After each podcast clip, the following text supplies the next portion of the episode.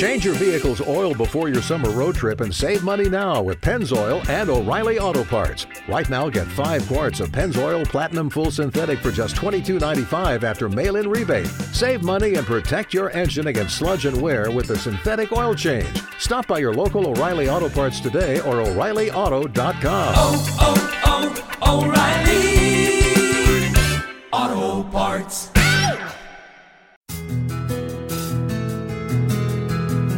Jest podcast Lotos Twojego Serca.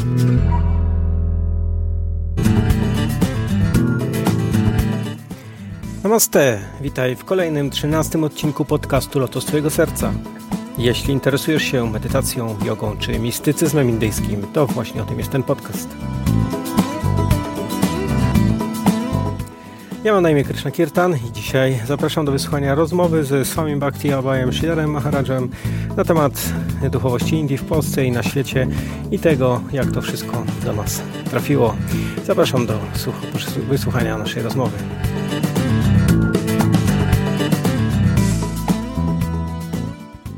Dzisiaj moim gościem jest e, jego świątobliwość Bhakti Abhai Shidar e, Maharaj, pierwszy polski duchowny wyświęcony w tradycji Gaudia Wisznuizmu, jeden z, z, z wczesnych liderów ruchu hipisowskiego z lat 70., osoba, która wprowadzała duchowość wschodu w, w naszą polską rzeczywistość jeszcze w czasach głębokiej komuny.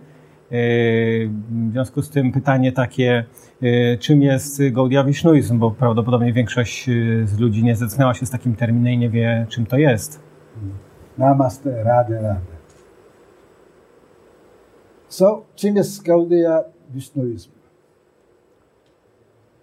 To jest ruch religijny, który powstał w Indiach 500 lat temu, w Bengalu Zachodnim, założony przez wielkiego mistyka i świętego Sri Krishna Chaitanya Mahaprabhu. Ten wielki święty miał bardzo wielu uczniów Bengalu, jak również w Oryście, a później na obszarze całych Indii. Jego nauka opierała się na przesłankach wisznuickich. Znaczy, mieści się w tradycji wisznuickiej. W Indiach mamy w zasadzie takie dwie wielkie szkoły filozoficzne, czy filozoficzno-religijne, Shivaizm i Wisznuizm, czyli tych, którzy czczą jako najwyższego Boga Siwę oraz tych, którzy czczą jako najwyższego Boga Wisznu. Także Chaitanya Mahaprabhu należał do tej tradycji wisznuickiej. I to, co było nowatorskie w jego nauce, to było to, że nauczał on kultu niczym nieuwarunkowanej miłości do Sri Sri Radhy i Kryszny, czyli do Boga oraz jego wewnętrznej mocy miłości upersonifikowanej jako Shimati Radharani, prościej nazywana Radhą. Rozumiem. A w, czy jak można by w takim razie w prosty, jeszcze prostszy sposób wytłumaczyć, czym jest w takim razie sam wisznuizm, czy jakie są podstawy y, nauki tej, tej tradycji duchowej? Pokrótce można e, powiedzieć w ten sposób, że wisznuizm jest y, mistyczno-religijną ścieżką personalizmu, czyli takim nurtem w duchowości indyjskiej, który ogłasza, że najwyższym dewatą, najwyższym bóstwem jest Bóg osobowy, czyli Bóg, który posiada różne cechy. W przeciwieństwie do nurtu impersonalistycznego, którego największym przedstawicielem w tradycji indyjskiej był Sripad Shankaracharya, nauczający w, VII bądź IX, czyli na przestrzeni VII a IX stulecia Anno Domini w Indiach, który głosił, że Brahman, czyli najwyższy byt oraz Atman, czyli dusza jednostkowa w istocie są jednym i tym samym.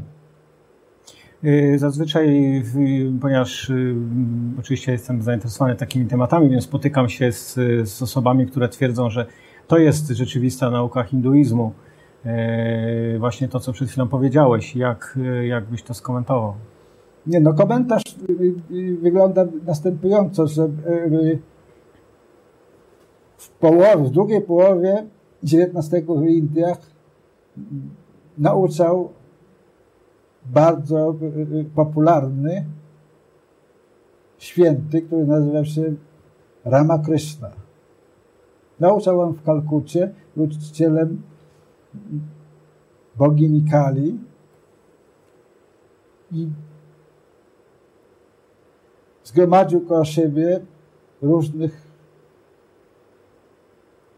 uczniów, których najzacniejszym był Swami Vivekananda.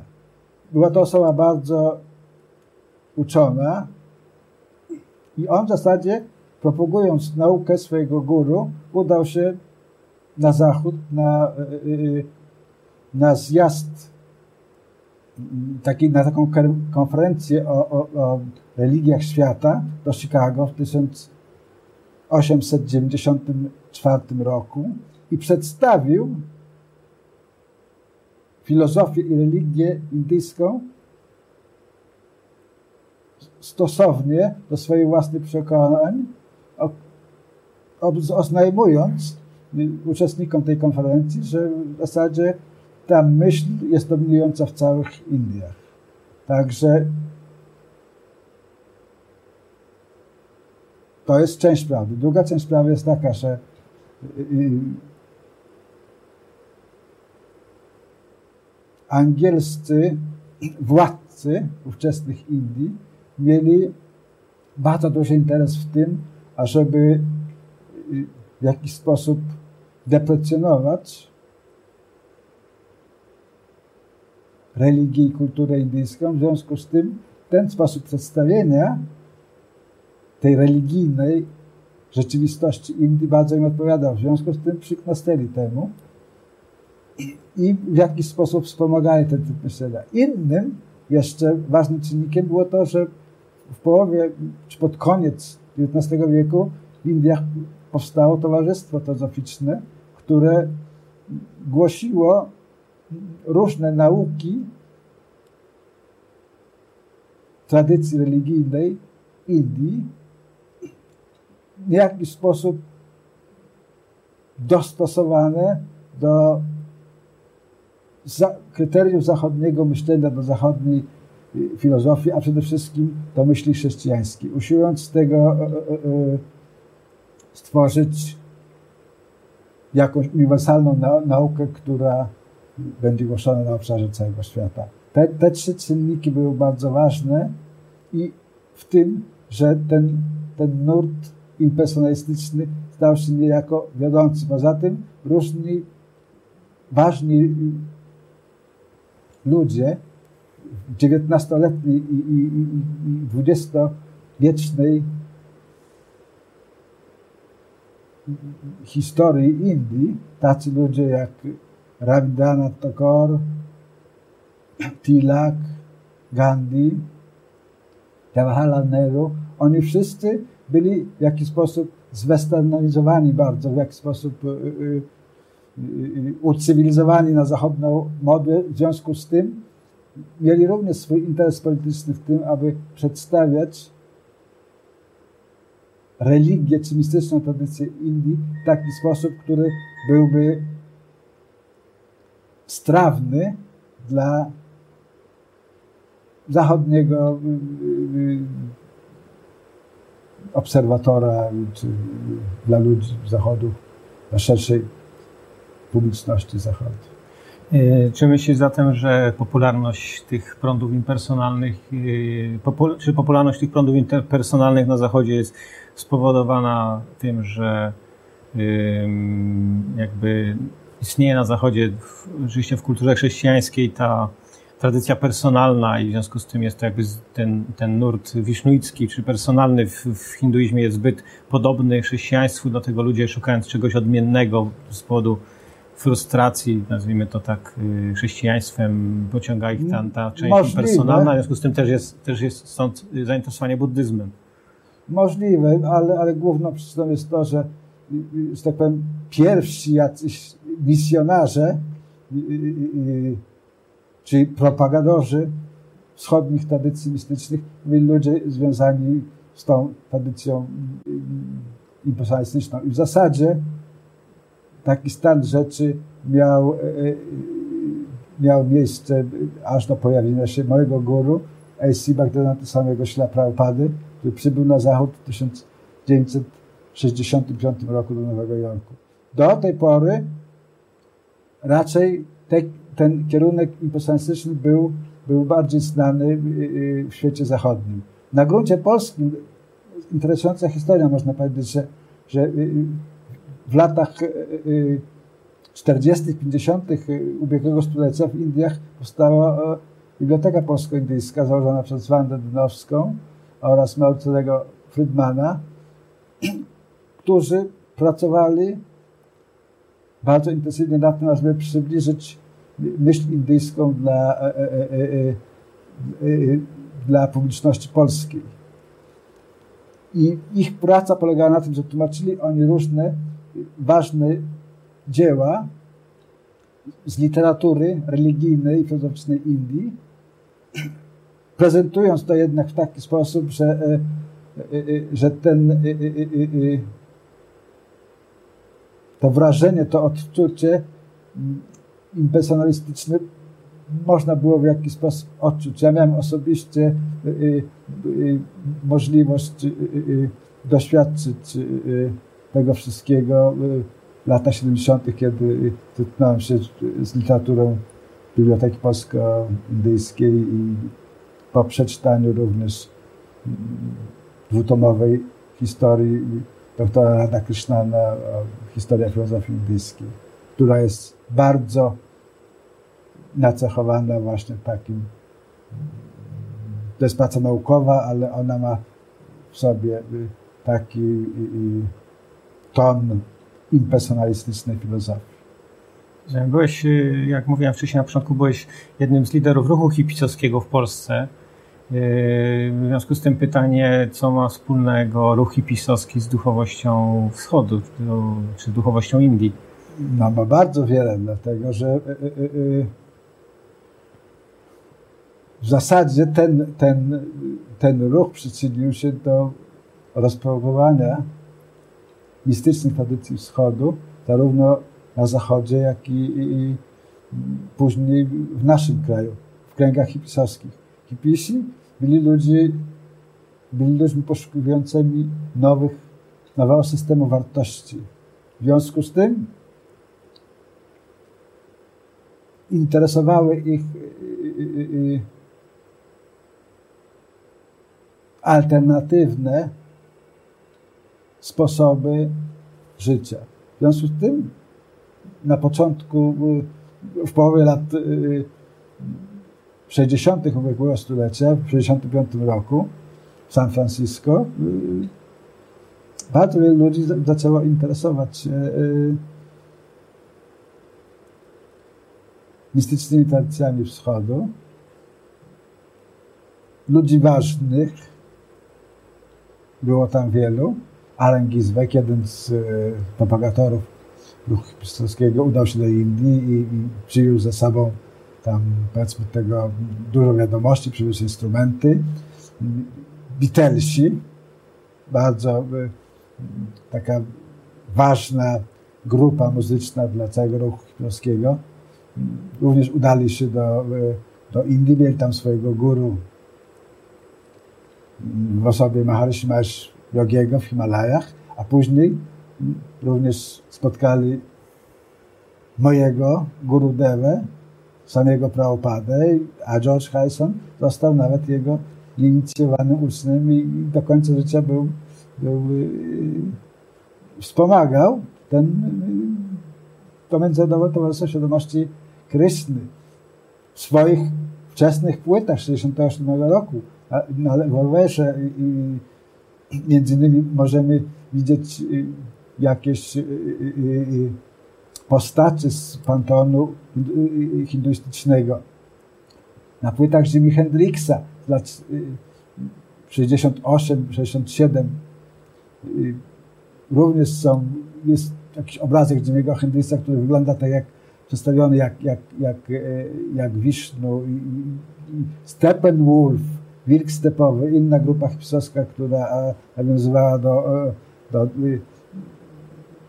do takich tradycji wschodnich. Wiele, wiele innych. Także poprzez muzykę John, John McLaughlin, Carlos Santana, to byli ludzie, którzy, którzy tą, tą filozofię wschodu i religię propagowali w swoim życiu i, i poprzez swoją pracę.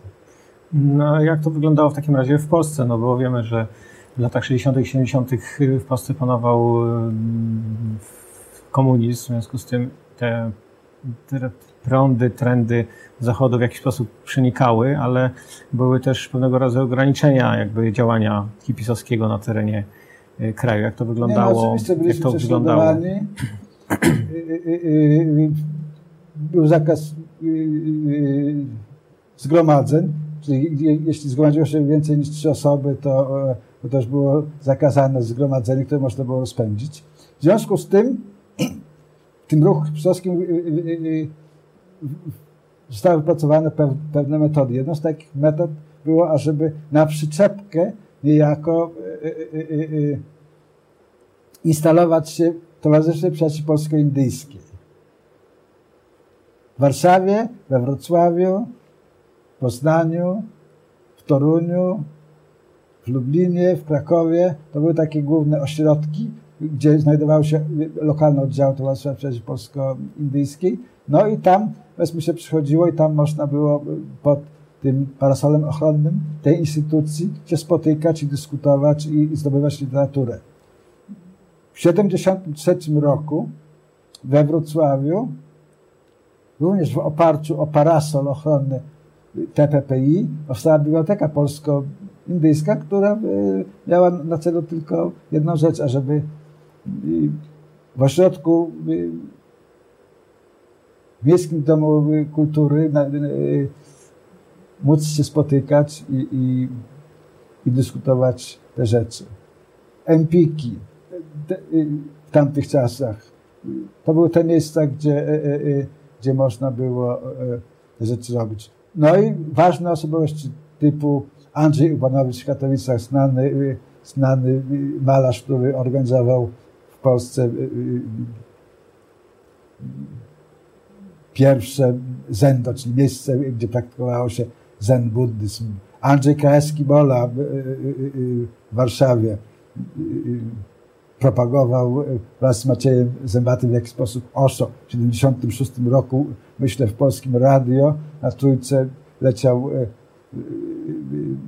taki program 15, o 15, chyba w każdą środę, albo każdego dnia, nie pamiętam już dobrze, była, czytana y, y, Wielka Księga Tajemnic Bhagavana Ścisza, czyli później znanego jako, jako Osho. Także różni tacy, tacy ludzie, Towarzystwo Różdżkaszy, czy radiestetów w Warszawie pod przywództwem pana Lecha Wasego Stefańskiego również organizowało podobne story. Organizowało się Towarzystwo Psychotoniczne. To były takie miejsca, przystanie, oazy, gdzie młodzi ludzie z mojego pokolenia mogli się udawać i, i gdzie mogli i, i, i, tam mogli no, w jakiś sposób bliżej zapoznawać się mm, z tymi tradycjami mistycznymi wschodu i, i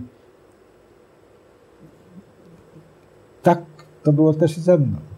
Rozumiem. A jak w takim razie wyglądały początki, czy Y, praktyki w Twojej tradycji, czyli w Gaudiawisznuizmie, Gaudiawisznuizmu w tym czasie? Czy powstawały jakieś pierwsze ośrodki, jakieś y, miejsca medytacji, jakieś aśramy, czy coś takiego? Jak, jak, wyglądało, jak to wyglądało w tym czasie?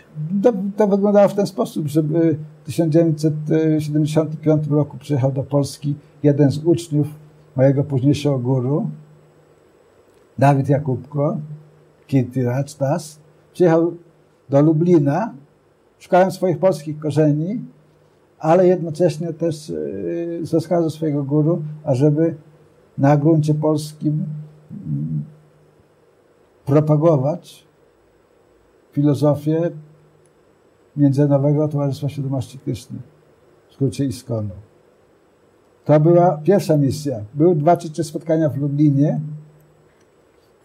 Nawet ten y, y, zaprzyjaźnił się z, z późniejszym ambasadorem Polski w Indiach. Ale wtedy byli młodzi, młodymi ludźmi. Jeden był doktorantem na, z uniwersytetu, na Uniwersytecie Warszawskim, drugi przyjechał szukać swoich korzeni. W każdym razie rok później, w 1976 roku, na zlot hipisowski do Częstochowy przyjechał Gurudas. Inny, najbliższych współpracowników mojego guru, samego Prabhupady.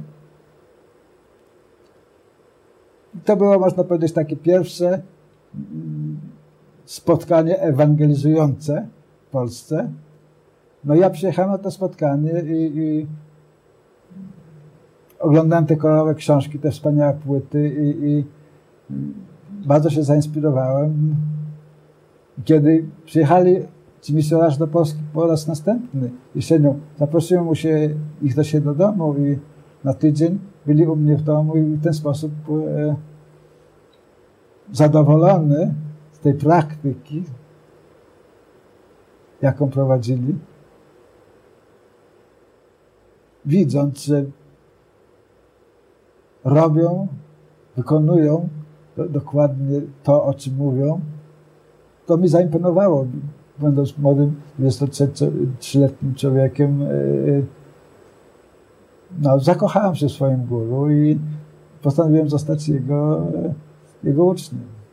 W związku z tym pierwsza taka świątynia Międzynarodowego Towarzystwa Świadomości Kryszny w Polsce, Skonu, była u mnie w domu we Wrocławiu przy ulicy Osińskiej 16 denarów.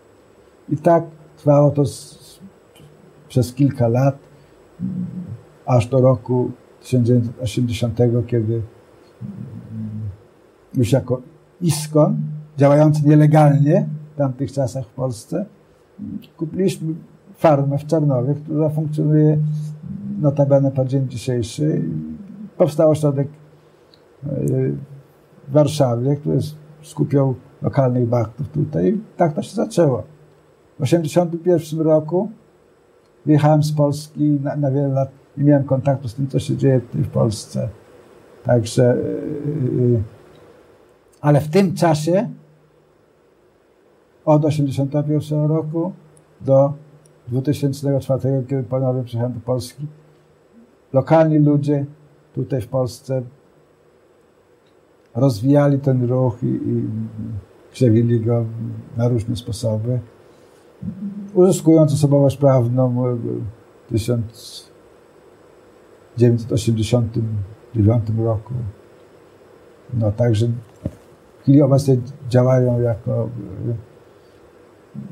oficjalny Związek Wyznaniowy w Polsce, zarejestrowany zgodnie z, z polskim prawem. W, w 2010 roku byłeś e, wyświęcony na sanyasina, czyli na duchownego e, w tradycji Gaudiya Wisznuizmu. E, jak, w takim razie co robisz w tej chwili, czyli po, po tym roku 2010? Jak... No, te mnisie święcenia oznaczają, że no, opuściłem życie rodzinne, mam Polsce, w Przemyślu, swoją małą świątynię, swój mały ashram. No i tam to jest moja pustelnia, tam przyjeżdżają ludzie, którzy są zainteresowani moją osobą, którzy są zainteresowani tym, co mam do powiedzenia. Podróżuję również po Polsce, gdziekolwiek mnie zaproszą i opowiadam o tym, jak ten ruch powstał w Polsce oraz opowiadam o swojej osobistej, życiowej historii. No i przede wszystkim mówię o naukach Sri Krishna Chaitanya Mahaprabhu, ponieważ jego nauki są istotą Wisnuizmu Gaudiya, czyli Wisnuizmu bengalskiego. Y, czy mógłbyś w takim razie krótko powiedzieć, y, czym są, jakie są te nauki Chaitanya? Nie, te nauki są takie, że w zasadzie ludzie Nikt nie chce być nieszczęśliwy, każdy chce być szczęśliwy. Ludzkość przez całą swoją historię w najróżniejszy sposób definiowała to, jak można osiągnąć y, szczęście. Różne kultury na przestrzeni dziejów y,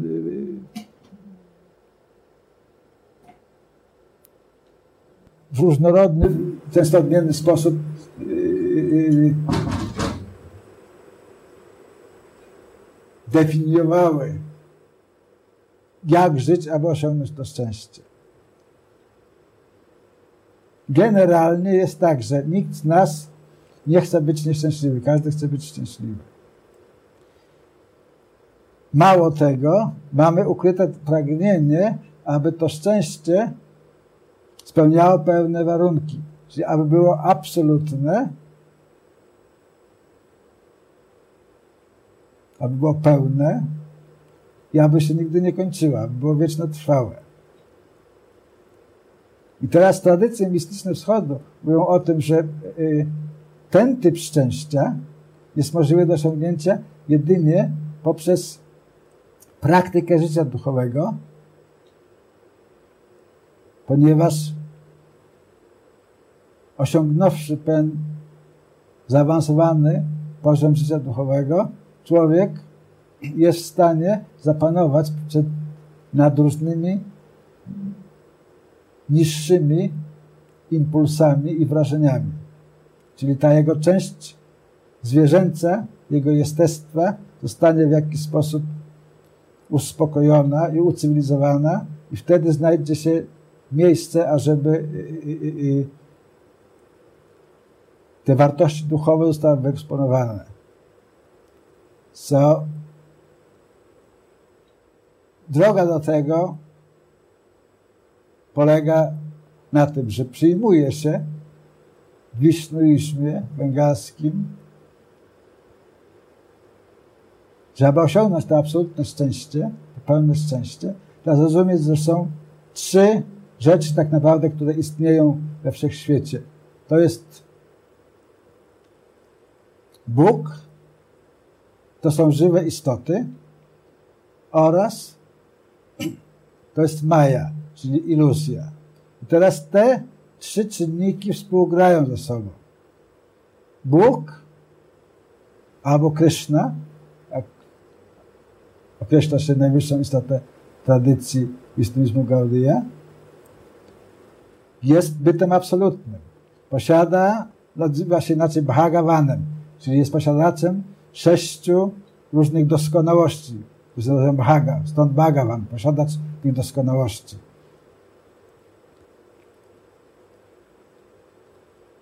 Jest on kompletny sam w sobie i nie podlega jakiejkolwiek iluzji, nie podlega jakimkolwiek uwarunkowaniom. Żywe istoty są przejawem jednej z wielu jego nieograniczonych energii. Żywe istoty nazywają się dziwami albo duszami po polsku. I teraz są one stworzone, jakby to można powiedzieć, w, w oparciu o, o język biblijny, na obraz i na podobieństwo Boga. Czyli są one, posiadają, są również bytem wiecznotrwałym, jednakże to je różni od Boga, że Bóg nigdy nie ulega iluzji, nie może dostać się pod jej wpływ, nie może być uwankowany przez iluzję, natomiast żywa istota, jakkolwiek jest częścią Boga, posiada te różne szlachetności czy, czy cnoty w bardzo niewielkim rozmiarze i może być uwarunkowana przez Maję, przez iluzję, kiedy z własnej, nieprzymuszonej woli odwróci się od swojego Stwórcy. Rozumiem. Dziękuję bardzo za rozmowę. Dziękuję za wysłuchanie 13 odcinka podcastu Lotos Twojego Serca. Moje podcasty znajdziesz na stronie podcastu lotostwojegoserca.pl lub na mojej stronie krishnakirtan.in. Znajdziesz tam odpowiednie linki do subskrypcji dla użytkowników telefonów Apple i dla posiadaczy telefonu z systemem Android. Jeśli zostawisz mi jakiś komentarz lub gwiazdkę w systemie iTunesa, będzie mi również bardzo miło. Mówił do Ciebie Krishna Kirtan, Hariom Tatsadi, Jai Shri Radhe.